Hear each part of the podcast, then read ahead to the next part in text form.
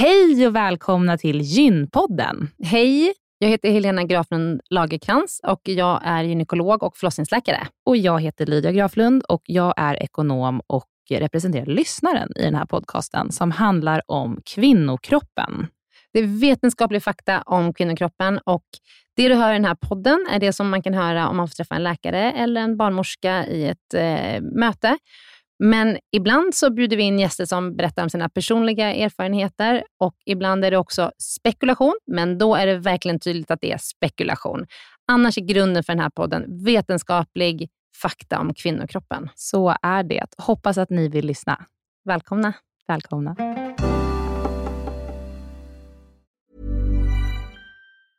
Many of us have those stubborn pounds that seem impossible to lose, no matter how good we eat or how hard we work out. My solution is PlushCare. PlushCare is a leading telehealth provider with doctors who are there for you day and night to partner with you in your weight loss journey. They can prescribe FDA-approved weight loss medications like Wagovi and Zepbound for those who qualify. Plus, they accept most insurance plans. To get started, visit plushcare.com slash weight loss. That's plushcare.com slash weight loss. Den här veckans avsnitt av Gynpodden är sponsrad av Care. Och Helena, det är ju det bolaget, vårdbolaget, som du och jag har varit med och startat, där vi erbjuder digitala vårdmöten med specialister inom kvinnovård. Precis. Och vi vet att det är väldigt mycket vårdpersonal som lyssnar på Gynpodden, vilket vi är jätteglada för. Och vi behöver alltid fler gynekologer till STKR. Så därför vill vi nu göra en shout-out till alla er som lyssnar där ute som vill vara med och förändra svensk kvinnovård. Vi söker specialister inom gynekologi, men också ST-läkare som har kommit en bit in i sin ST och som vill arbeta digitalt eh, med handledning på, hos oss på STKR. Mm. Och precis som det är för våra patienter som kan söka vård hos oss, det vill säga att de kan bo vart som helst i landet eftersom vi är digitala. Om man laddar ner appen och så bokar man ett vårdmöte, så kan ju även läkaren bo vart som helst i landet eller flytta under tiden man jobbar hos oss. Det är ju väldigt, väldigt flexibelt eftersom eh, man jobbar hemifrån. Och Jag tänker att det måste ju också vara helt underbart att som läkare kunna arbeta hemifrån och planera sin egen tid några dagar i veckan. Ja, verkligen. Och samtidigt vara med och förändra kvinnovården med kollegor som är otroligt drivna och engagerade. Det är jätteroligt att jobba på SDKR. Och jag tycker att det här är en häftig grej som vi gör just nu, att vi erbjuder gyn, äh, gynvård i hela landet. Och vilka är de vanligaste patientmötena du tar, Helena? Ja, men det är ju klimakteriet, eh, PMS, eh, mensbesvär. Och det är ju såklart Eh, ärenden och eh, diagnoser som går att hantera digitalt. Men vi remitterar också vidare när det behövs mm. Eh, och tar labbprover när det behövs mm. och så vidare. Mm. Så gå in på sdcare.com, klicka på jobba hos oss i menyn för att läsa mer och skicka in en ansökan. Tack så mycket. Tack och välkomna. Hej, välkomna till Gympodden. Välkomna. Tack. Eh, Tack. Det, jag här, säger tack. Här har vi en gäst som tar för sig. Det är jättebra. Ja, ni så välkomna till lyssnarna kanske. Och till gästen, Helena. Alltså, vem är vår gäst? Dagens gäst är Kristin Kaspersen. Alltså, alltså, extra, självklart ett extra stort välkommen till dig. Vi är mm. så glada att du är här. Mm. Tack eh, igen. Välkommen Kristin. Okay. Me, myself and I. Ja, precis. Nu är Kristin här som ni, som ni märker. Mm. Kristin, mm. du och jag träffades ju för eh, några månader sedan när jag var med i din podd. Mm. Det var så kul. Ja, jätteuppskattat Vet avsnitt. du hur många mejl jag fick efteråt? Nej. Många. många. Ja. Hur många Helena? Eh, alltså, nej, jag, jag, vet inte, men liksom, Nej, det droppade in eh, liksom, ett efter ett efter ett i flera veckor. Senast igår fick jag ett mejl. Gud, vad roligt. Jag hörde men, dig i Kristins podd nu får du ju patientmöten. Och nu får jag patientmöten i våran... Från, liksom eh, från kvinnor som har klimakterieproblem, ja, som ifrån, har förstått att de har det och mm. söker då hjälp i SDCare-appen och går till dig. Från din podcast? Ja.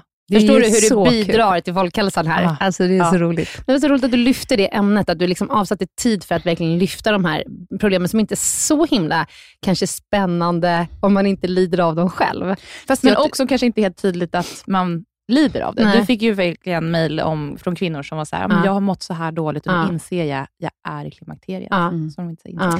Nej, men, och Jag tycker också så att det, det handlar inte bara om, om kvinnorna som mår dåligt. Det är det viktigaste, att de ska må bra. Mm. Men varför jag tycker det är viktigt också att lyfta det, det är ju att det är så många runt omkring som också drabbas mm. eh, på så sätt att det blir jobbigt alltså så att, hemma. Mm. Eh, senast häromdagen så var det en kompis till mig som skrev att min fru är i klimakteriet, det går mm. sådär.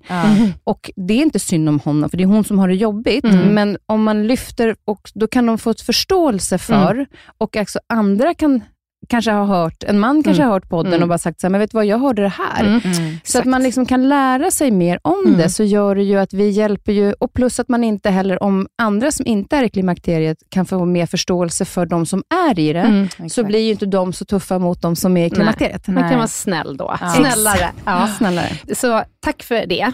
Eh, men nu tänker jag så här, du måste ju få en prestation.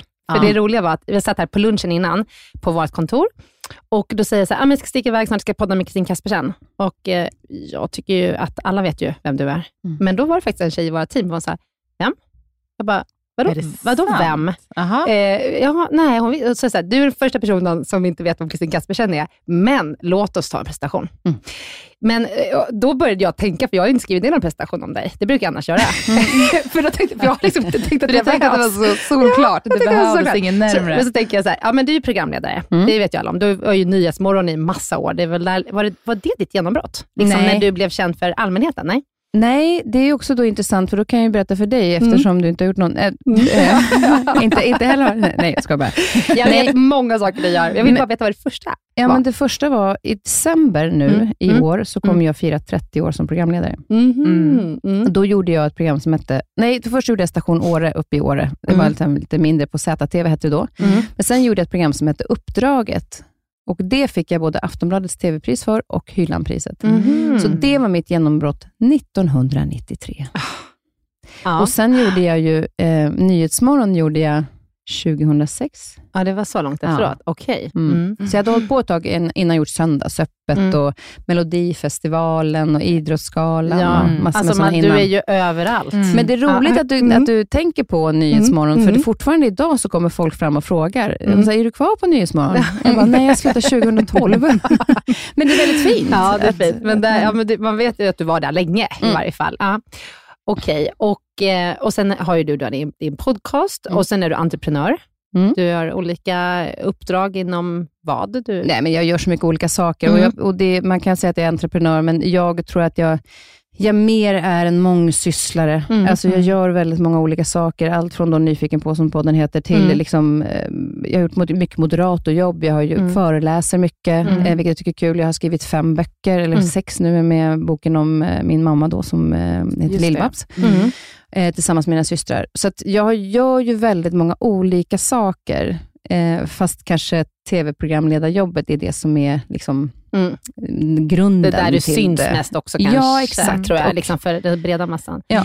Men du får fråga, du är ju Lill-Babs dotter, eh, men du var inte jag lyssnade på dig i någon podd eh, med Peter Jöback. Då var liksom, du, en del var ju så här barnkändisar, liksom. Ja. men det var det var, då var du i Ja. kulisserna mera. Nej, jag var i Eller- kulisserna med mamma Ja. när jag var liten, men sen så Mm. spelade jag eh, Pippi Långstrump på Folkanteatern, eh, en musikal, tillsammans med bland annat Pernilla Wahlgren, Mm. eh, som var Annika. Jag var skolbarn och sjömatros. Mm. Och sen efter de två åren så kom ju Sound of Music, när Peter Jöback var med. Just det. Och då Mm. var jag koreografassistent, men sen så spelade jag också Emil Lönneberga, Mio min Mio på Göta Lejon. Mio Mio var på Folkan och Göta Lejon var Emil Lönneberga. Och sen gjorde jag min sista föreställning, eller uppsättning, när jag var 2021, Okej. som hette Mm. Teatervinden. Och då spelade jag alla kvinnliga huvudroller. Mm. Så jag var väldigt, jag, tyck, Mm. liksom jag var en teaterapa och jag Mm. tycker väldigt mycket om det typen av berättandet Mm. och liksom underhållningen på det sättet. Mm. Men du ville inte bli skådis?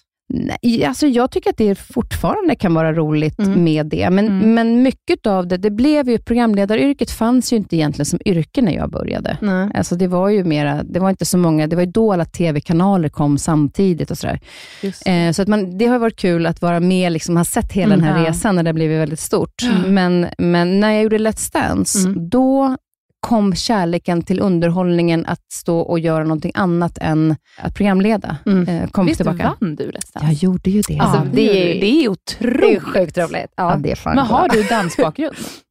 Jag dansade ju då när jag spelade musikaler, när jag var Ja. 10 till 12 år. Mm. Eh, och Sen så tog jag fem lektioner i LA när jag var 18, för jag Mm. skulle vara med som dansare faktiskt i Mm. mammas show. Eh, och mamma sa, jag skriver om det i mammas bok, att Mm. Karin Falk som hade sett en audition som jag var med på, och när jag pratade med mamma om varför jag var med på den här audition när jag var 18, vet jag inte riktigt, men hon sa att om du vill in i den här branschen, så var med på auditions, för man lär sig så mycket. Mm. Så det var egentligen ingenting jag sökte, men då hade Karin Falk sett den här eh, audition och sa att jag vill ha med Kristin. Och mamma bara, men hon kan väl inte dansa? eh, nej, hon är absolut inte den bästa dansaren, men eh, vi vill ha med den personligheten som hon är. Mm. Så då var jag med och dansade med mamma. Men, eh, så att jag har ju det, och det var när jag var 18 Mm. och nu, eh, jag vann när jag var 49. Så att, Mm. Men- så det tycker jag är så power. Det är så kul. Ja, men det, det var Ja. faktiskt roligt och sen var det faktiskt lite kul att det var jag och Magdalena Forsberg som stod eh, i final. Mm. Och vi sa det, vi- det var i finalnumret så skulle vi stå på en gunga som sänktes ner. Mm. Och hon var då 51 och jag 49. Jag bara, fan det är 100 år som står här. Det är ascoolt. ja, det är, helt underbart. Men det är inte därför du är här idag. Men det roliga är att, den, hade du frågat den där, var det en ung tjej som eh, Ja, hon är typ 20 plus. Ja, för att ofta så får jag, när de inte känner igen mig, då får jag säga så här, nej men jag är Philips mamma. Ja, Då. just det. Okej. Okej, jag ska dra det. den när jag kommer tillbaka. Ja, för den, för den, för den, eh, han vann ju förra året. Liksom. Just det. Men han Gud, har ju blivit mer... Så Ja. nu kommer de fram till mig så här, är du som är Philips mamma? Antingen, när jag var yngre var jag Lill-Babs dotter, nu är jag Philips mamma. Och det är jättehärligt. Ja. För oss är du Kristin. Ja, men det är också härligt. Okej, men som sagt, inte, vi är inte här för att prata om din gedigna danskarriär. Men, även fast den är rolig. Jag är, glad att du tar upp den. Jag lever på den fortfarande.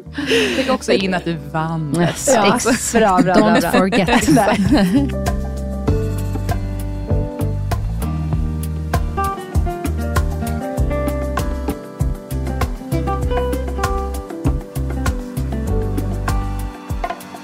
Nej, men vi är här för att prata om ADHD. Mm. Ja, för det, nu, blir det, nu blir det lite allvarligt här direkt. Jag känner det väldigt Nu supertrevligt. men vänder nu, vi tonen. nu vänder vi tonen. Nu kommer doktorsrösten på. Mm.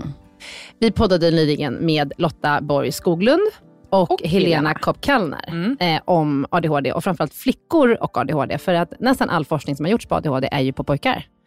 Och eh, då framgår ju till exempel i den podden att eh, flickor får diagnos mycket senare.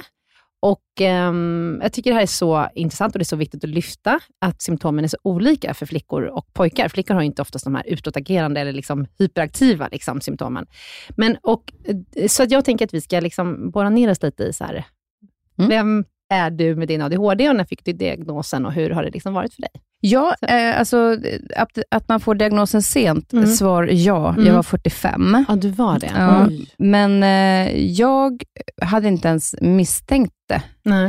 Eh, Hur har din uppväxt varit? Om vi börjar Nej, men liksom... alltså, jag var, som barn Nej. var jag ju väldigt aktiv. Alltså, mm, om man jämför med mina systrar så var jag ju, men det blev mycket så här, men hon är lilla syster Mm. och, för, och försöker ta plats. Mm. Jag eh, tyckte om det här med att stå på scenen och det var liksom, det var inte som kanske som killar är som har ADHD. Som, eh, det finns, ju- sen finns det lite olika typer också. Så här, jag, jag pratar ju alltid om personligheter Mm. eh, när jag pratar om diagnoser, för jag tycker att det känns mer rätt.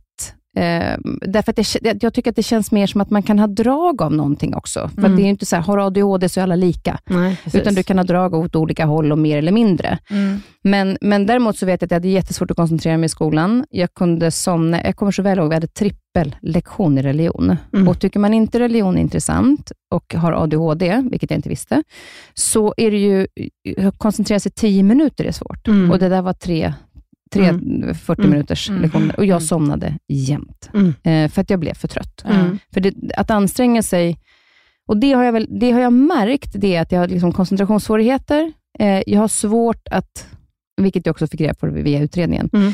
att svårt att komma ihåg saker som jag inte tycker är jätteintressant, men som jag har lärt mig, det släpper jag sen. Mm. Eh, men däremot om jag tycker någonting är spännande, som det här till exempel med kroppen och hur den fungerar, eller ledarskap, då kan jag liksom nörda in mig. Mm. Så jag blir väldigt nördig i den delen, vilket också tydligen är ganska vanligt att man kan ha det draget. Eh, så att för mig var det nog i skolan att jag nog, nej men koncentrationssvårigheter skulle jag nog säga och att jag inte kom ihåg, för att jag kommer ihåg att jag skrev fusklappar, Mm. men jag såg det inte som fusklappar, för att jag kunde skriva liksom ett ord, så jag skulle komma ihåg det stycket. Mm. Mm. Och Det läste jag också som, det var faktiskt en, en lärare som hade rekommenderat sina elever att ha fusklappar, därför att då väljer man att fokusera på det som är viktigt. Okej. För honom var det bara viktigast att barnen lärde sig, inte Mm. vad man har för liksom, Nej, för presta- metod. prestation, Nej. utan att de lär sig. Mm. Och Det tyckte jag var så himla intressant när jag hörde det. Mm. För det var nog min, så där hade jag nog, eh, Eh, jag kan liksom, kunde ha svårt att sitta och läsa böcker, för att jag hör alla ljud runt omkring. Mm. Och Det är ju sånt, vad jag tycker är viktigt med att göra utredningar, det är inte att man ska få, liksom, många säger, men jag vill inte ha den stämpeln, eller de ska bara langa på medicin, utan för mig var det så otroligt intressant att få den här utredningen och svaret sen. Mm. För det gjorde att det blev lättare för mig framöver i jobbet. Jag kunde liksom, när jag gjorde Nyhetsmorgon så visste jag inte det här. Mm. Och Då satt jag och pluggade hela kvällen. På morgonen var jag tvungen att ta upp datorn och läsa igenom klockan halv fyra på morgonen igen. Och precis innan, i varje reklampaus, så gick jag igenom och tittade liksom för att påminna mig om vad som stod Mm. och vad vi skulle prata om. För att det inte sätter sig på samma sätt. Och, men hade jag vetat det, då hade jag kunnat prata med redaktören ordentligt igenom allting, för jag lär mig mer via inlyssning. Mm.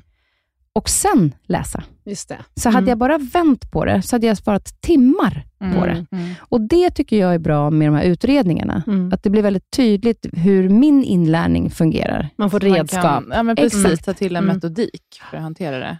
Men när du var liksom yngre då, känner du igen det här med att, eh, som många beskriver det som ett kaos i hjärnan och att man liksom blir så trött av det? Och, och att hos många ungdomar så leder det till liksom ångest och till och med depressioner och så, när man blir sen kanske i tonåren. Jag hade nog mer att det, att det absolut är väldigt många tankar som pågår samtidigt. Mm. Jag kan ju tänka, alltså på, på vägen hit så gjorde jag ju liksom fem saker samtidigt och det är inget problem för mig. Jag är lite så, men däremot så blir jag ju väldigt trött. Om jag Mm. tittar då till exempel på när jag lärde mig mer om det här, därför att det var ju för att mina söner gjorde utredning. Eller först gjorde jag en dyslexiutredning och så fick jag då svar på att jag hade dyslexi, Mm. fast jag hade lärt mig att hantera det, men på det sättet att jag hade svårt att lära in Mm. när jag läser en text. Sen var det Louise Hallin som sa till mig, som jobbade med oss på eh, Nyhetsmorgon som Mm. psykolog. Mm. Hon, sa, hon sa till mig vid ett tillfälle att du har ju inte, du har ju inte dyslexi. Jag bara, va? Nej, men du har ju ADHD, fattar du väl? Jag bara, va? Mhm. För då sa hon att du kan sitta och höra i snäckan när folk pratar. Du pratar med mig och lyssnar samtidigt. Och Då Mm. gjorde jag Vardagspuls, ett program där vi hade ett kök. Och Mm. Samtidigt så förstod jag att han letade efter kastrullen. Mm. Så så fort reklamen kom på så kunde jag säga att om kastrullen står där borta, Ja, för då hade du tagit in det. för då hade jag tagit Mm. in det. Och Det gör ju att jag blir väldigt trött. Mm. Och När jag ser tillbaka på mig själv och mitt beteende som liten, så gick jag och små åt hela tiden. Mm. Och blev lite rultig. Liksom. Jag Mm. förstod inte varför jag hela tiden ville ha så här, ja, men jag gick igång på socker. Mm. Liksom. Och Det var ju för att jag var trött. För Mm. det har jag ju sett nu på mina barn. De Mm. gjorde ju exakt likadant. Så fort de kom hem från skolan, ut med lådan där, där kex och sånt Mm. finns och så bara ta någonting. Så, då frågar jag, är du hungrig? Mm. Nej. Nej.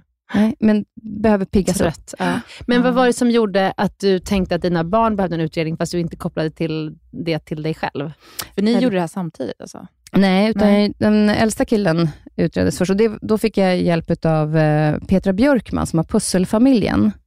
För hon, eh, hon och Jonas Björkman, de har ju två barn som har en Asperger och en ADHD. Och då när jag berättade för henne en situation som hände hemma, där jag blev var så ledsen på mig själv, för att jag varit på film, kom igen nu, skynda dig på. Sådär. Mm. Och då så sa hon, så här, men kan, kan det inte ha att göra med ADD? Jag bara, vad är ADD? Mm. Jag hade Mm. aldrig hört talas om det. Nej. Och då gick jag in och googlade på det. Och då så var det så här, men alltså, det här känner jag igen allt i honom. Mm. Och sen när, när de gjorde de här utredningarna, då var det så här, vänta nu. Då när Louise Salin sa till mig att du har ju ADHD, då sa jag att nu vill jag göra en utredning. Mhm. Och då gick jag till eh, husläkaren och Mm. pratade med dem och då fick jag remiss till att göra utredning. Hur lång tid tog utredningen? Nej, men den tog några... Alltså man var ju där vid några tillfällen. Mm. Man gör ju olika tester. Men det tog ett tag. Jag vet att det tar mycket längre tid.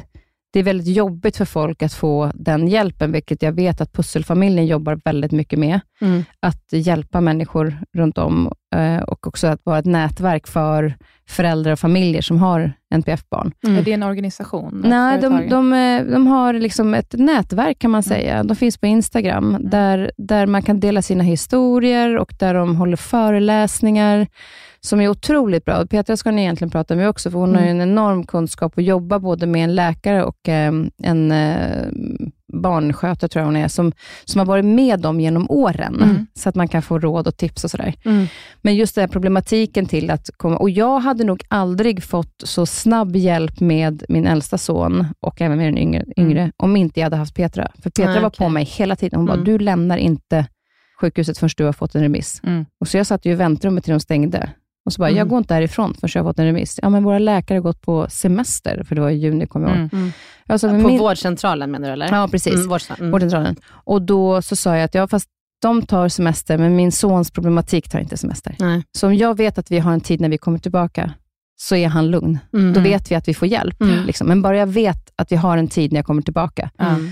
Och då löste de ju det, för jag hade ju inte gått därifrån. Så att man Mm. får vara så otroligt stark Pushig. som förälder. Och det handlar inte bara om eh, med vården, utan Nej. det handlar även med skolan. Ja. Mm. Tyvärr är det ju så, Mm. eh, att eh, om man är pushig, och, då tar man sig igenom man navigerar genom liksom, sjukvården lättare och navigerar genom skolan lättare om man Mm. är pushig. Mm. Det är ju, Och då ska man komma ihåg att många av de här föräldrarna, nu känner inte jag det riktigt, för det finns många som har det mycket jobbigare än vad jag hade Mm. det. Men alltså, tänk en ensamstående med fyra barn och så är det en som har det behovet. Och Mm. Då är man ju så trött ändå. Mm. Och så ska du fightas med att Mm. få hjälp. Mm. Och när du har fått hjälpen så ska du fightas med att skolan förstår vilken hjälp. Och jag, nu vill jag också säga det, att det är många skolor som gör saker och gör jättebra saker för barn med NPF. Mm. Många lärare som är engagerade. NPF. Ja, en Psykiatrisk. funktionsnedsättning. Ja, Mm. precis. Och, eh, men jag har tyvärr inte, eller mina barn har kanske inte mött de lärarna. Mm. Eh, så att jag har Nej. inte riktigt den erfarenheten, tyvärr. Så att det har varit en, en kamp liksom hela vägen. Mm. Och I och med att jag inte visste när jag var liten vad problemet var. Mm. Jag lyckades på något sätt. Jag tror att det är där det blir sånt fokus på vad våra problem är, Mm. vilket jag tycker är så synd, istället för att lyfta barnens styrkor Mm. i det här. Mm. Att se så här, att ja, men det är en barn i klassen som har massor med energi. Ja, men bra, men kan inte du, så här, jag sticker ut och springer några varv runt skolan, ska Mm. ta tid på dig. Mm. Och så får hon säga, åh bra, och så får han cred för någonting. Eller om han är bra på att hitta information på nätet, för han inte kanske är så bra på att läsa, Mm. då kan väl han få berätta för klassen att det här, här hittade jag de här informationen. Och Mm. Det finns ju att lyfta, för kreativiteten hos de som har det här finns där, Mm. men vi hämmas av att skol- Skolan, systemet är som det är. Ja, i Mm. många skolor. Mm. Jag vill inte säga alla, för att jag vet att det är många som, som verkligen gör mycket för det här. Mm. Men det behöver en... Eh, så jag var alltså uppe och pratade med utbildningsdepartementet, kan det vara sex år sedan? Mm. Eh, jag skrev till Gustaf Fridolin, för jag sa att skolan, det funkar inte. Nej. Eh, och då sa han, kom upp och berätta vad du känner. Mm. Så då var jag uppe och pratade om situationen som var för mina barn i skolan. Och eh, Då sa han att det sker liksom hela tiden förändringar, vi kommer göra, men det tar tid. Jag bara, men det, mina barn kommer inte hinna få den hjälpen förmodligen, men det finns andra som Mm. dem och Mm. som jag har haft Mm. det. Och det behöver ske en förändring. Mm. För att när, men, när ungarna kommer ut och ska börja jobba, så i alla företag så behövs det olika personligheter. Mm. Så hämma inte de här personligheterna som är i skolan. Nej, jag håller utan- helt med dig. Det är så Mm. bra sagt. Jag, jag kan tycka, eh, jag har en dotter som har väldigt svårt att sitta stilla Mm. och eh, hon har bara haft en helt fantastisk lärare hela tiden. Så att, liksom, min dotter har suttit genom, i de långa genomgångarna, då har hon suttit liksom upp och ner i en soffa utanför hallen, eh, som ute i hallen Mm. och fick liksom sitta upp och ner där Mm. och snurra runt, snurra, snurra, snurra. Mm. Och sen när, när, när liksom genomgången var klar, då visste hon exakt. Mm. Så gick hon in och så gjorde hon uppgiften. Hon behövde liksom inte sitta på sin bänk och göra det. För när hon satt på sin bänk, då satt hon bara och pillade på kompisarna, och alla pennor och drrrt, så. Mm. Man Alltså, kan anpassa det, lite. hon- Alltså, Mm. och det, och det var ju liksom, hon var lite mindre och nu så går det lättare. Men, så det var så, det var så en fin eh, liksom, justering, en sån liten justering som liksom gjorde hela hennes eh, lågstadium, skulle jag vilja säga. Ja. Sådana här små grejer. Liksom att, Och där är det ju så viktigt att, vi har pratat mycket om stress och hur Mm. hjärnan fungerar i min Mm. podd. Och då har vi just, liksom just det här när stress och kortisol adrenalin, när båda de två pumpar för länge, så blockeras ju en del av hjärnans eh, att, signaler att komma ihåg. Alltså via hippocampus så går det ju signaler till hjärnan sen, eh, vad man ska komma ihåg och sen samma väg tillbaka. Men Mm. det blir som liksom typ en hinna runt hippocampus. Då, då går det liksom, även om du kan, Mm. så, du vet när man är så här, jag kommer inte ihåg. nej, Jag kommer inte ihåg. kommer inte. Och ju mer stressad du blir, ju, alltså, och det handlar inte om att du inte kan. Och Då kan jag se på en av mina barn, till exempel, att när vi satt och pluggade vid matbordet, så blev han ju bara stressad, för han visste att jag måste kunna det här, jag kan Mm. inte. Och Då försökte jag ibland så här, sätta oss i soffan, och så satt jag och berättade för honom, för att innan jag ens börjar plugga, så måste jag ju sänka hans stressnivå. Mm.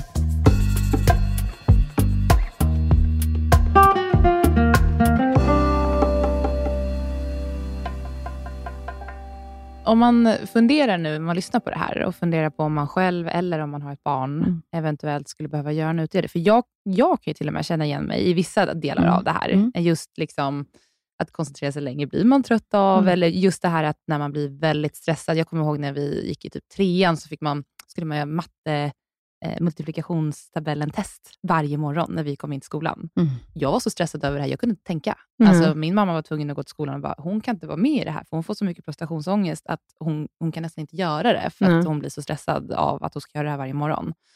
Men när vet man att man ska göra en utredning? Vad, vad liksom skulle du säga, givet din erfarenhet? Jag tycker att det, alltså det är svårt att säga, Mm. eh, eftersom jag inte är så liksom, sakkunnig i det. Nej. Och jag ska Däremot- lägga till att jag inte heller det. Nej, men jag så jag tror- kan inte... Nej. Nej. Men jag tror, jag tror någonstans att som förälder så kan man ibland känna så här, varf, varför är det så tufft? Och varför förstår inte det här barnet eller det andra? Eller Mm.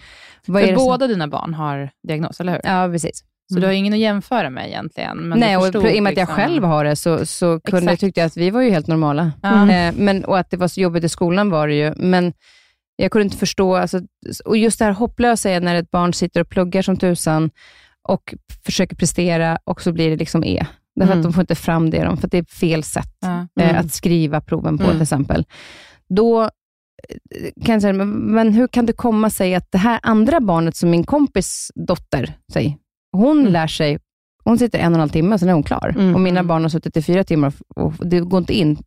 Då, då är det ju en annan form av inlärning som det behövs. Mm. Och när man märker sådana saker, eller att det är liksom svårighet med koncentration, jag märker väldigt tydligt det här med att det är svårt att sitta still. Mm. Eh, du, du kan ju allt det här med, med läkemedel, just det där med dopaminkicken som Mm. de behöver, kan kolla på en film.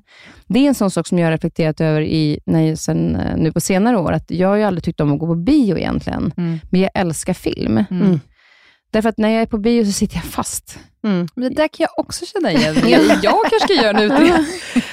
Alltså, men jag, jag tänker så också, man ska tänka att man ska ha någon funktionsnedsättning och för barn så ska det vara tror jag, funktionsnedsättning mer än på en plats. Det ska inte bara vara att det är problem med skolan och sen funkar det jättebra på idrotten och hemma och liksom, Nej, lalala. ja. utan det ska vara liksom på flera ställen att det inte funkar. Och det, är och är man osäker med sina barn, då kan man ju alltid bara kolla med skolan också. Mm. För jag menar, det är väldigt många som har diagnoser. Lä- Lärarna, speciellt liksom, bra lärare, de har ju koll Mm. på när det här, inte, det här är någonting som den här, det här barnet kan må bättre och få hjälp om man gör en utredning. Mm. Så finns ju faktiskt skolhälsovården också. Både skolsyster och skolläkaren finns ju där för att hjälpa och guida när det behövs vidare hjälp. Mm. Och sen just det här att barn får höra att man liksom, ja men han är lite jobbig, eller Mm. han är lite så här, Mm. men vadå jobbig? Det är Mm. därför att han får sitta fast i en stol och han Mm. vill röra på sig. Det är klart Mm. han blir jobbig, för Mm. att han funkar inte som alla andra, eller hon. Mm.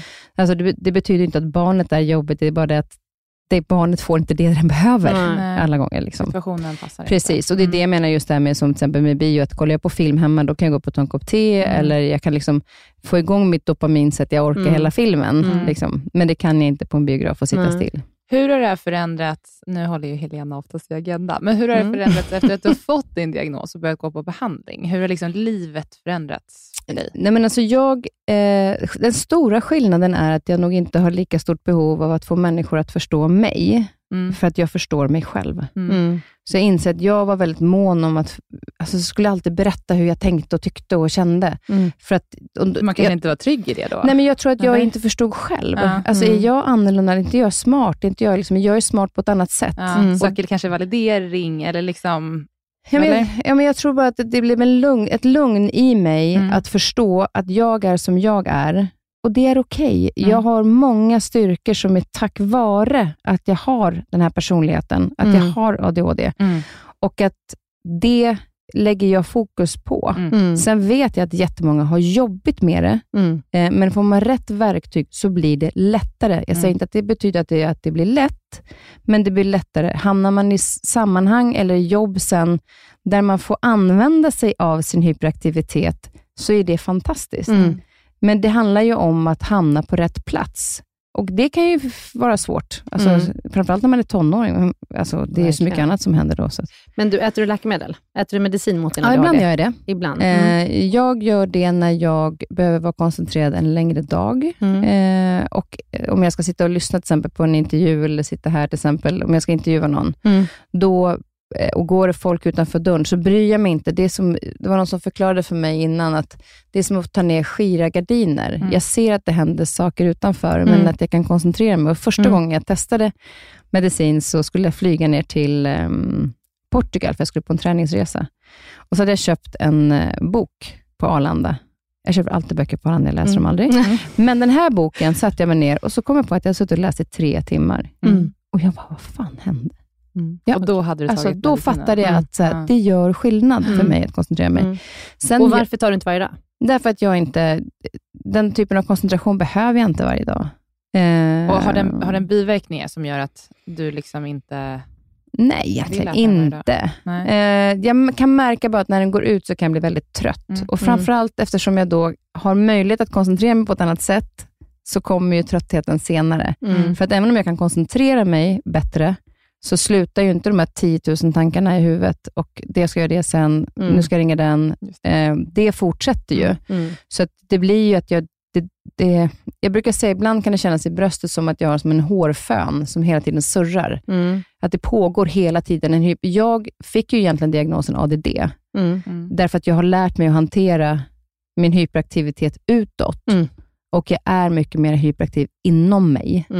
Det tror jag är vanligare bland tjejer också, Mm. än bland killar. Ja, det kanske det Det är. är därför som det tjejer missas så ofta, att man är liksom mera hyperaktiv inåt än utåt. Ja. There's never been a faster or easier way to start your weight loss journey than with PlushCare. PlushCare accepts most insurance plans and gives you online access to board-certified physicians who can prescribe FDA-approved weight loss medications like Wigovi and Zepbound for those who qualify. Take charge of your health and speak with a board-certified physician about a weight loss plan that's right for you. Get started today at plushcare.com slash weight loss. That's plushcare.com slash weight loss. plushcare.com slash weight loss. Many of us have those stubborn pounds that seem impossible to lose, no matter how good we eat or how hard we work out. My solution is PlushCare. PlushCare is a leading telehealth provider with doctors who are there for you day and night to partner with you in your weight loss journey. They can prescribe FDA-approved weight loss medications like Wagovi and Zepbound for those who qualify. Plus, they accept most insurance plans. To get started, visit plushcare.com slash weight loss. That's plushcare.com slash weight loss. Veckans avsnitt av Gynpodden är sponsrat av mittpreventivmedel.se som är en informationssida från Bayer. Mm. Jättebra informationssida. Eh, den, den är full av information och material för att du på bästa sätt ska kunna välja vilken preventivmedelsmetod som passar dig allra, allra bäst. Och Det vi tänkte prata om idag det är att det finns något som heter samtalsguide Mm. på den här sidan. Mm. Och Det är ett formulär där man har, får en massa frågor, till exempel så här, att komma ihåg att ta med preventivmedel dagligen är inget problem för mig, eller ibland svårt, Mm. eller inte min grej. Mm. Eller eh, om jag blev gravid nu och så vidare. Liksom. Så att man får kryssa i en massa frågor och ta ställning och fundera innan du Mm. träffar din gynekolog eller barnmorska. Så att du liksom verkligen får med alla frågor som är viktiga för dig i det där mötet. Ja. Så man kan fylla i den på den här hemsidan, så kan man skriva ut den här blanketten och ta med den. Ja. Jag skulle säga att, att det verkar som att det är framförallt fyra kategorier som Mm. är väldigt viktiga. Och sen, Mm. så, sen så spelar det ju in vad du har tagit innan och hur det har funkat för dig och, Mm. sådär, och din historik. Men det verkar ju som att det handlar mycket om hur liksom ordningsam man är, eller hur strukturerad man är, att kunna ta någonting dagligen. Mm. Eh, hur viktigt det är att man inte blir gravid. Mm. Eh, användning av hormonella preventivmedel eh, och om man vill påverka sin menstruation på något sätt. Mm. Så det verkar som att det är de fyra kategorierna som man, man bör fundera på innan Mm. man väljer ett preventivmedel. Man får bra guidning i hur man ska svara på de här, eh, med olika kategorier, olika svar. Och Sen så tar man med sig det till sitt möte med barnmorska och gynekolog och då är man väl förberedd. Mm. Och Jag lovar er att om ni gör det här innan ni går eh, till en barnmorska eller gynekolog, då kommer ni få mycket bättre hjälp. För att det här är liksom ingenting som bara finns i en, utan man måste liksom fundera lite på Ja. så vad är viktigt för mig. Vill jag ha mens eller inte? Ja. Och så vidare. Så att, gå in på mittpreventivmedel.se och titta runt där och gör den här, eh, ja, samtals, samtalsguiden. Samtalsguiden. Ja. Tack Bayer för att ni har utvecklat denna braiga sida om Ja. preventivmedel. Den är otroligt bra. Mm. Tack så jättemycket. Tack.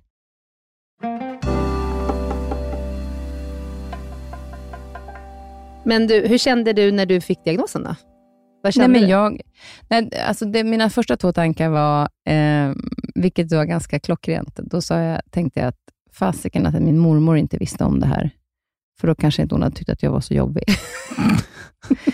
för att jag var, eh, Malin var ju liksom den lugna, snälla Mm. eh, och jag väldigt glad, men väldigt eh, aktiv och Mm. grävande. Och kanske lite provocerande i tonåren. Mm.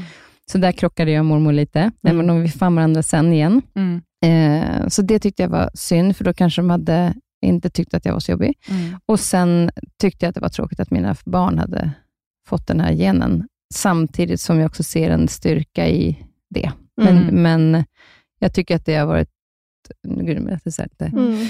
Jag tycker att det har varit jobbigt att se deras eh, kamp Mm. i skolan. Jag tycker att det är jobbigt att eh, lärarna har, tyvärr har vi råkat ut för i alla fall en lärare som, var, som sen fick sparken, men, Mm. men eh, att se sina barn inte blir uppskattade för att de verkligen försöker och gör sitt yttersta, Mm. det tycker jag har varit, eh, så det, det var mina två reaktioner. Men sen efteråt så kände jag också så att, gud vad skönt Mm. att jag förstår Mm. Mm.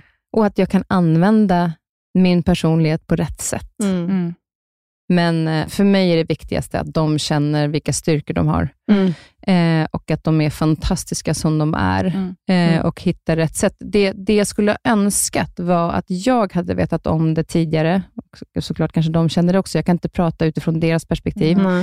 Men jag hade önskat till exempel att den äldsta som var 16 när han fick sin eh, det är att han hade vetat det tidigare, för då hade jag kunnat hjälpa honom med Mm. verktyg. Mm. Så att man hade hittat rutiner på ett annat sätt, som inte hade varit något, alltså, i- absolut ingen stor förändring. Nej. Men det hade gjort en sån enormt stor skillnad. Kan vi Mm. inte prata om de rutinerna och verktygen? Nej, men alltså, grejen är att om, om jag, jag är ju väldigt snabb på morgonen när jag behöver. Eh, det går undan. Det gör inte det för alla och inte för min ena son, utan han behöver den här tiden. Mm.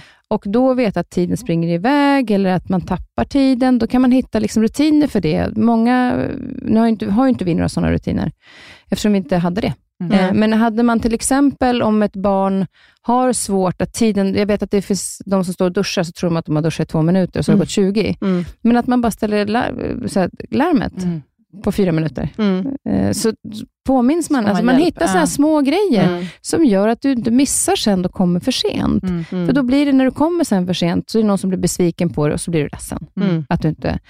Och det är ju inte någon som fattar att det var inte min, var inte min mening att komma för sent, utan jag tappade tiden. Mm. Och där finns det så många verktyg som man kan lära sig när man är ung Mm. eller liten, som blir en naturlig del av livet. Alltså Kristina, jag, jag blir ändå, jag tänker på det du sa precis nu, eh, när, du, när du fick veta att du hade ADHD, att du tänkte direkt på dina barn. Det är så, liksom, det här mamma-instinkten. Mm.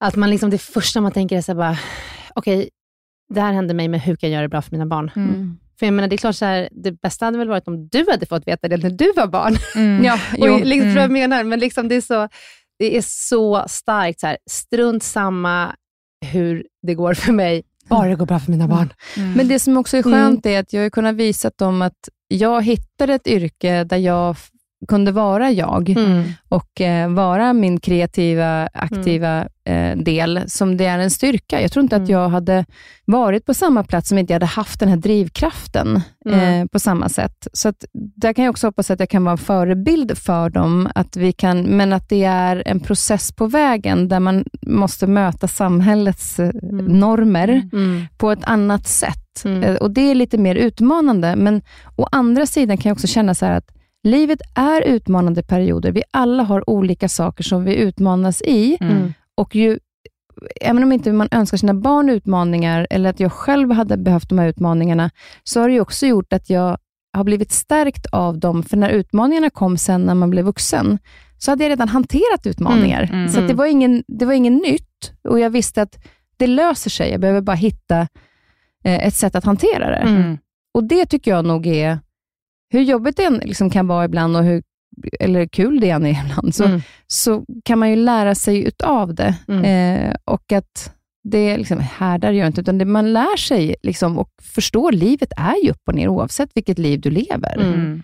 Men du har varit utbränd två gånger. Mm. Eh, tror, var det innan eller efter diagnosen? Att du fick Eh, diagnosen? före. Före. Mm. Nej, det var en före och eh, sen efter. Mm. För det jag funderar på är, det finns ju en, en bok då om, från den här läkaren som Mm. vi poddade med, Lotta Borgskoglen, som heter Från eh, duktig flicka till utbränd kvinna, som handlar om just det. Den Och- handlar om mig. Nej. Ja, precis. För jag tänkte på det, att det är, alltså, det är ju vanligt då om man har, har ADHD. Eh, men har, är du skyddad nu, när du vet? Känner du dig skyddad? Du ser att du går igenom din kalender och känner så här, okej, nu är det för mycket. Nej. Nej. Du. Jag eh, eh, är expert på att köra på. Mm. Det är väl, jag har ju lärt mig väldigt mycket. Jag har ju gått så ledarskapsutbildningar och sådana saker för att lära mig att leda mig själv Mm. bättre. Så att Mm. jag är absolut så mycket bättre. Och framför allt gäller det att hantera tankar och möjligheter. Ehm, där har jag blivit otroligt mycket bättre. Mm. Och också det viktiga är i det här att våga stå i, vad behöver jag? Om många som, om man jobbar, jag jobbar med väldigt många olika mm, människor och de, det mejlas och det smsas och när svarar man inte på mejl så smsar de. Och jag, då kan jag skriva tillbaka att så här, jag svarar på, har du sett ditt mejl? Mm. Ja, men när skickar du det? Ja, för en halvtimme sedan. Mhm. Ja, men jag sitter inte vid mejlen hela tiden. Nej. Jag läser på förmiddagen och på eftermiddagen, om jag inte sitter vid datorn hela dagen, Mm. vilket jag inte alltid gör. Så att jag kommer att svara. Mm. Men att jag också talar om för andra att vi lever olika liv och vi är Mm. olika, liksom, så att man är lite tydlig i det. Mm. Och Då får man tillbaka och säga, men gud förlåt, självklart, inga problem. Mm. Men att, att det blir viktigt, tror jag, oavsett för att inte hamna i utbrändhet, att sätta, vad är det jag behöver för att orka? Vad är Mm. det jag, får jag min återhämtning? Och jag tror att jag är bra på återhämtning. Mm. Ja. Jag har mina månader som är lugna. Eh, jag är bra på att sätta mig tio minuter och bara vara. Mm. Eh, jag försöker, om jag tar en promenad med hunden, och tittar upp på träden. Alltså jag stänger av. Mm. Ja. Eh, så det tror jag att jag, det är det som har gjort att jag klarar mig idag. Att jag Mm. blivit mycket bättre på återhämtning. Mm. Och jag vill ju vara full av energi också. Mm. Så det är inte så att jag inte vill vara som jag faktiskt är. Nej. Jag behöver bara hitta bättre återhämtning än Mm, det jag Det gjorde där är ju så viktigt för Mm. alla Mm. och att hitta vad som funkar för en själv. För det är så Mm. olika. Jag, du och jag är ganska olika och det är för att Mm. vi också har lite olika livssituation. Men jag Mm. har ju satt en regel på att inga möten innan nio. Nej. Jag vill inte det, för det funkar typ inte för mig. Men hela min dag är paj sen, Mm. för att jag tycker att det är så jobbigt att gå upp väldigt tidigt på morgonen. Och Det är någonting som funkar så bra för mig, Mm. för att då orkar jag så mycket mer i veckorna. Mm. Och Det är en sån här gräns som du Men hur möts hitta, du liksom- då utav... Eh, Av mig. Alltså Helena vill gärna utmana det, men det är också för att hon är min stora syster. Alla andra har respekt för det. De lyssnar på det. men sen, och det är det som jag tycker är så intressant, för när jag bestämde mig för att liksom hitta till den här eh, så här helhetshälsa, att träningen skulle bli lika naturlig som att sova, Mm. typ. eh, och inte göra något märkvärdigt av det, utan det skulle bara vara så. Då kunde jag ju säga, nej men jag sticker iväg och tränar på lunchen. Men är du tillbaka till klockan ett? Nej, jag är tillbaka till klockan halv två. Ja, ah, men det kanske inte går. Nej, men då är inte jag med på mötet. Mm. Punkt. Mm. Då flyttar de det till halv två. Mm. Eh, och det var ju inga problem. Till slut ledde det till så här, vilken, vilken tid tränar du idag? Ja. När kan vi? Mm. Därför att, och det var inte så att alla anpassade efter mig. Men det fanns ju, alltså varför ska man ha mötet precis då? Man kan ta det en halvtimme senare Mm, och det var inga problem för Nej, dem. Exakt. Och det som jag ger när jag kommer tillbaka blir en bättre version av mig själv. Mm. Så att det ger ju dem mycket mer, Mm. att jag också väljer att göra det, det jag behöver. Mm. För jag blir bättre i min prestation Mm. och som människa. Mm. Så det Mm, tror jag också är viktigt. viktigt att sätta gränser. Ja, men jag tror det. Och, det, och sen också så här, lyssna in, vad behöver du? Alltså så också fråga tillbaka, jag behöver det här, vad behöver du? Mm. Okej, hur kan vi mötas i det här? Vad bra, men du tycker inte om att ha det på morgnarna.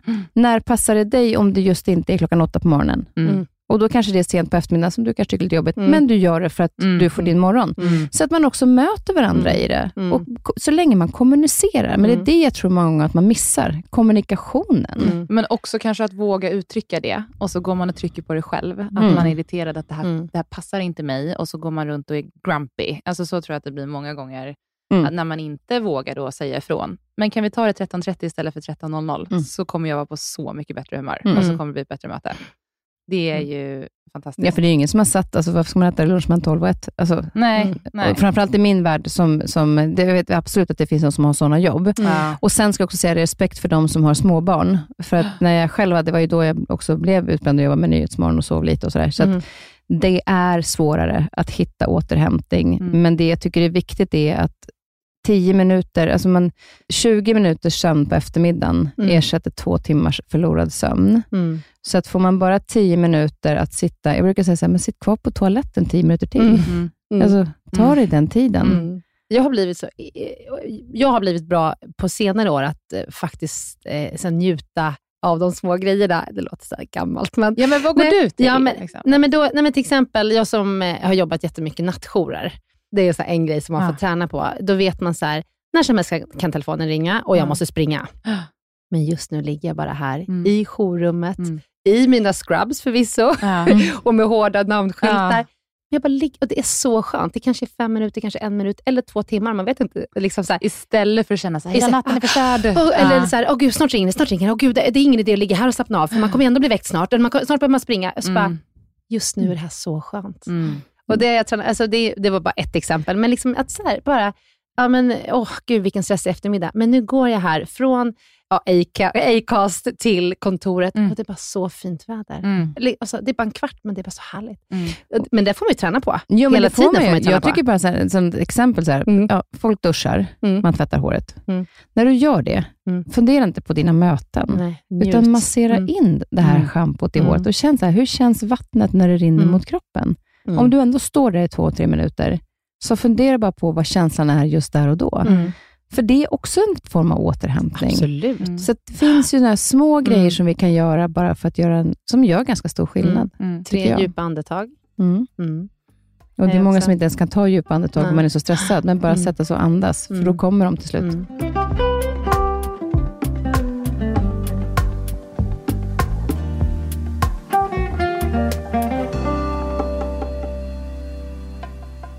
Hur märkte du att du var utbränd? Vad, vad var liksom en, så här, okej, nu är det så här.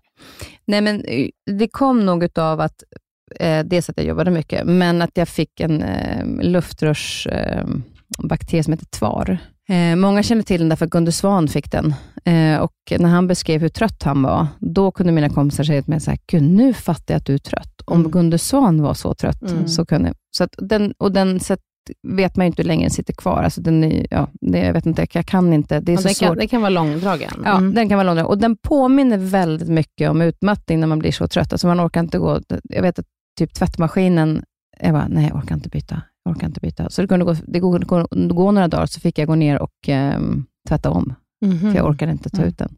Så det gjorde ju att jag, men så jobbade jag samtidigt, för jag hade liksom ingen bakterie kvar, men symptomen var kvar. Mm. Och så sov jag liksom tre timmar per natt med Nyhetsmorgon. Så till slut så var jag så, mot, jag tror att det var bara början på juni, då gick jag till läkaren och eh, så började jag prata. Och han sa inte ett ljud. Jag bara pladdrade på hur jag kände. Och då sa han, men du vet ju någonstans själv, tror jag, vad det är, är för Mm. någonting. Jag bara, vadå? Nej, men att du är trött och att det är liksom en utmattning. Mm. Och som på liksom nolltid så bara blossar hela halsen upp med utslag. Jag har aldrig utslag på halsen. Mm. Jag får liksom som utslag hela halsen. För att på nå- jag vet inte om jag slappnade av. Mm. I, men jag behövde en bekräftelse från en sakkunnig Mm. som, som sa att, vet du vad, Mm. gör det där jobbet imorgon, Mm. men sen går du hem. Mm. Eh, och så blev jag sjukskriven tre månader. Jag var bara sjukskriven tre månader. Mm. Eh, och, men lite grann också så här att jag kanske skulle ha tagit mer återhämtning Mm. och lärt mig hur jag skulle jobba på ett annat sätt. För att, eh, men så som systemet ser ut så hade jag, jag helt enkelt inte råd att hemma. Nej. Så jag eh, mm, började jobba igen. Mm. Gick det då? Ja, Ja. men jag tror att jag, kämpa. någonstans tror jag Mm. inte att jag återhämtar mig helt ändå. Alltså det Nej. ligger ju någonting latent under, att, Mm. att det finns en, en liten stressnivå. Liksom. Mm. Återhämtar man inte sig också över tid? Alltså att det liksom bygger upp, eller det är ju bara en känsla jag har. Att, Alltså, Många beskriver, som du säger Kristin, att Mm. man liksom har alltid den där lilla skörheten. Ja. Alltså, har man väl gått in i väggen, det här är inte för alla, men många Mm. beskriver det, att har man väl gått in i väggen så har man den lilla skörheten att liksom finns där någonstans. Att Mm. liten, men eh, Ja, Men- och den, den ligger liksom och surrar lite Mm. eh, och gör sig påmind ibland. Och Det är ju kanske bra för att man inte ska Mm. hamna där igen. Och Mm. Vikten är ju att förstå att nästa, alltså, den, gränsen är närmare Mm. än första gången. Mm. Eh, Men, men det handlar ju också mycket om att försöka hitta ett liv som, som är hållbart i Mm. längden. Och I perioder så går inte det. Och Jag vet så här, men nu med pandemin till exempel, när alla jobb försvann, Mm. alla pengar på kontot, företaget försvann Mm. Och jag är ensamstående med barn. Jag måste Mm. försörja mig. Mm. Och, och då tänkte jag så här, okej, jag kan inte förändra tiden som den är. Eh, Det är en pandemi. Om jag nu försöker återhämta mig under den här perioden och försöka hitta, vad kan jag göra istället? Mm. Men då jag startade podden. Så det hann ju återhämta mig en del. Och Sen fick jag så otroligt mycket jobb. Mm. Eh, mycket för att jag tänkte ut, så här, vad jag kan göra istället? Mm. Och Sen kom det liksom också, jag hade tur också. Men det gjorde ju att, att använda en stresssituation, att försöka tänka till då och tänka så, okej, vad kan jag påverka och vad kan jag inte Mm. påverka? Och den, den jobbar jag ganska mycket med. Mm. När jag hamnar i en situation där jag känner mig stressad, okej, vad kan jag göra åt den här situationen? Och vad kan jag bara släppa tanken på Mm. och inte lägga Mm. energi på? Nej, just det. Och den tror jag ger mycket, även om det inte är tidsplanen, så ger det mycket luft, mycket mer luft inombords. Mm. För det är många tankar som är jävligt onödiga att gå och bära Mm. på, faktiskt. Det är så Mm. mycket psykologi Mm. man har att göra med. Det är så jäkla Hela roligt. Jag tiden. älskar det. Och Mm. attityd. Mm. Ja, och jag, alltså, attityd. Jag pratade precis med, um, jag intervjuade Michelle Tornéus, som uh, gammal friidrottare, Mm. som gick in i depression efter, De slutade. ja men Mm. precis.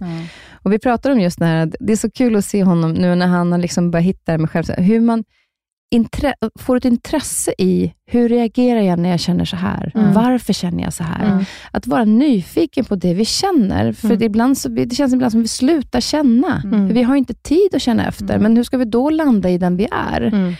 Och jag, jag går ju bara igång när jag hör att han också hittar det intresset. Liksom. För att, att vara nyfiken på sig själv och hur man själv fungerar och varför man fungerar som man gör, det är ju så otroligt spännande. Mm. Så jag tror att man gör det när man går igenom en kris, på ett Mm. eller annat sätt. Att när man tvingas liksom gå in i att undersöka varför man mår dåligt, då hamnar man ju på något sätt mer i ett fokus här, vad är det som händer där inne? Mm. Det kan jag ju känna igen från några år tillbaka. Jag hamnade lite tidigt i 30-årskris och jag behövde liksom rannsaka, vad är alla de här känslorna jag känner som bara kommer över mig? Och Mm. att man var tvungen att gå in, gå in i sitt inre. Men det tycker jag är intressant. Du Kolla. säger 30-årskris. ja.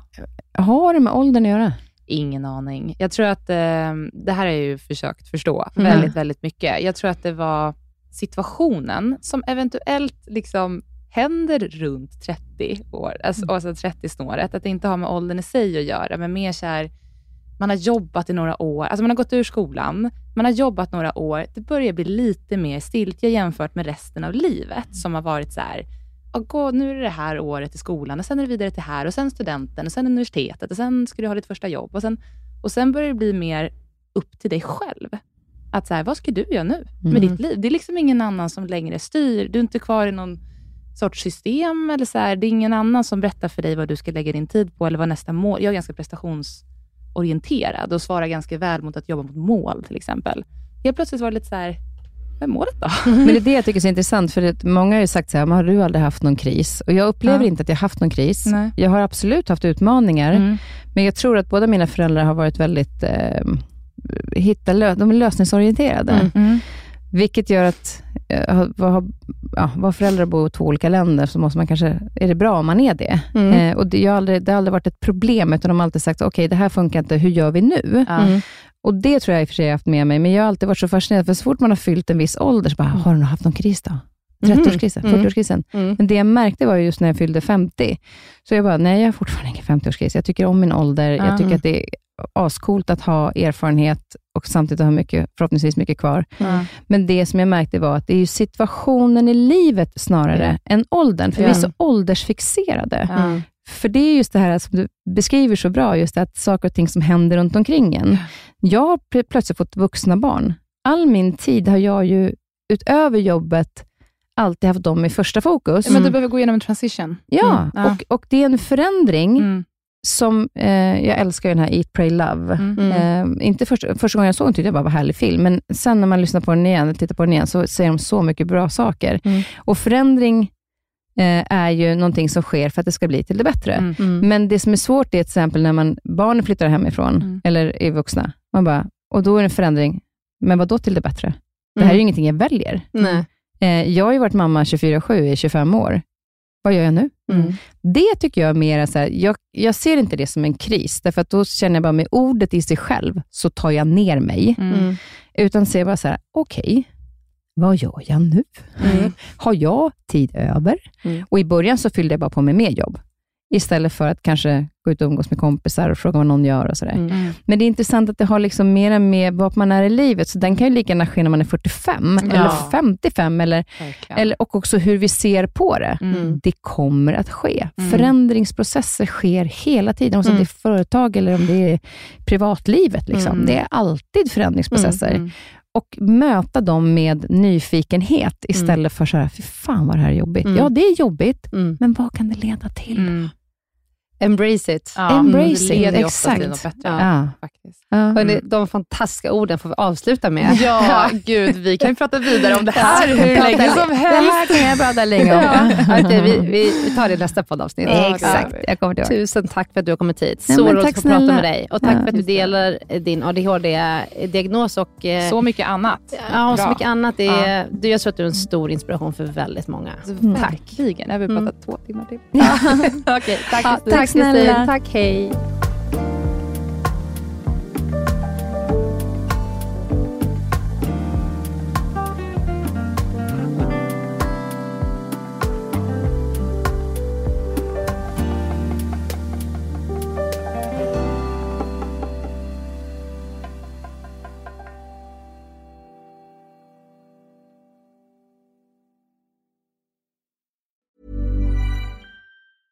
A lot can happen in three years, like a chatbot may be your new best friend. But what won't change? Needing health insurance. United Healthcare Tri Term Medical Plans, underwritten by Golden Rule Insurance Company, offer flexible, budget friendly coverage that lasts nearly three years in some states. Learn more at uh1.com.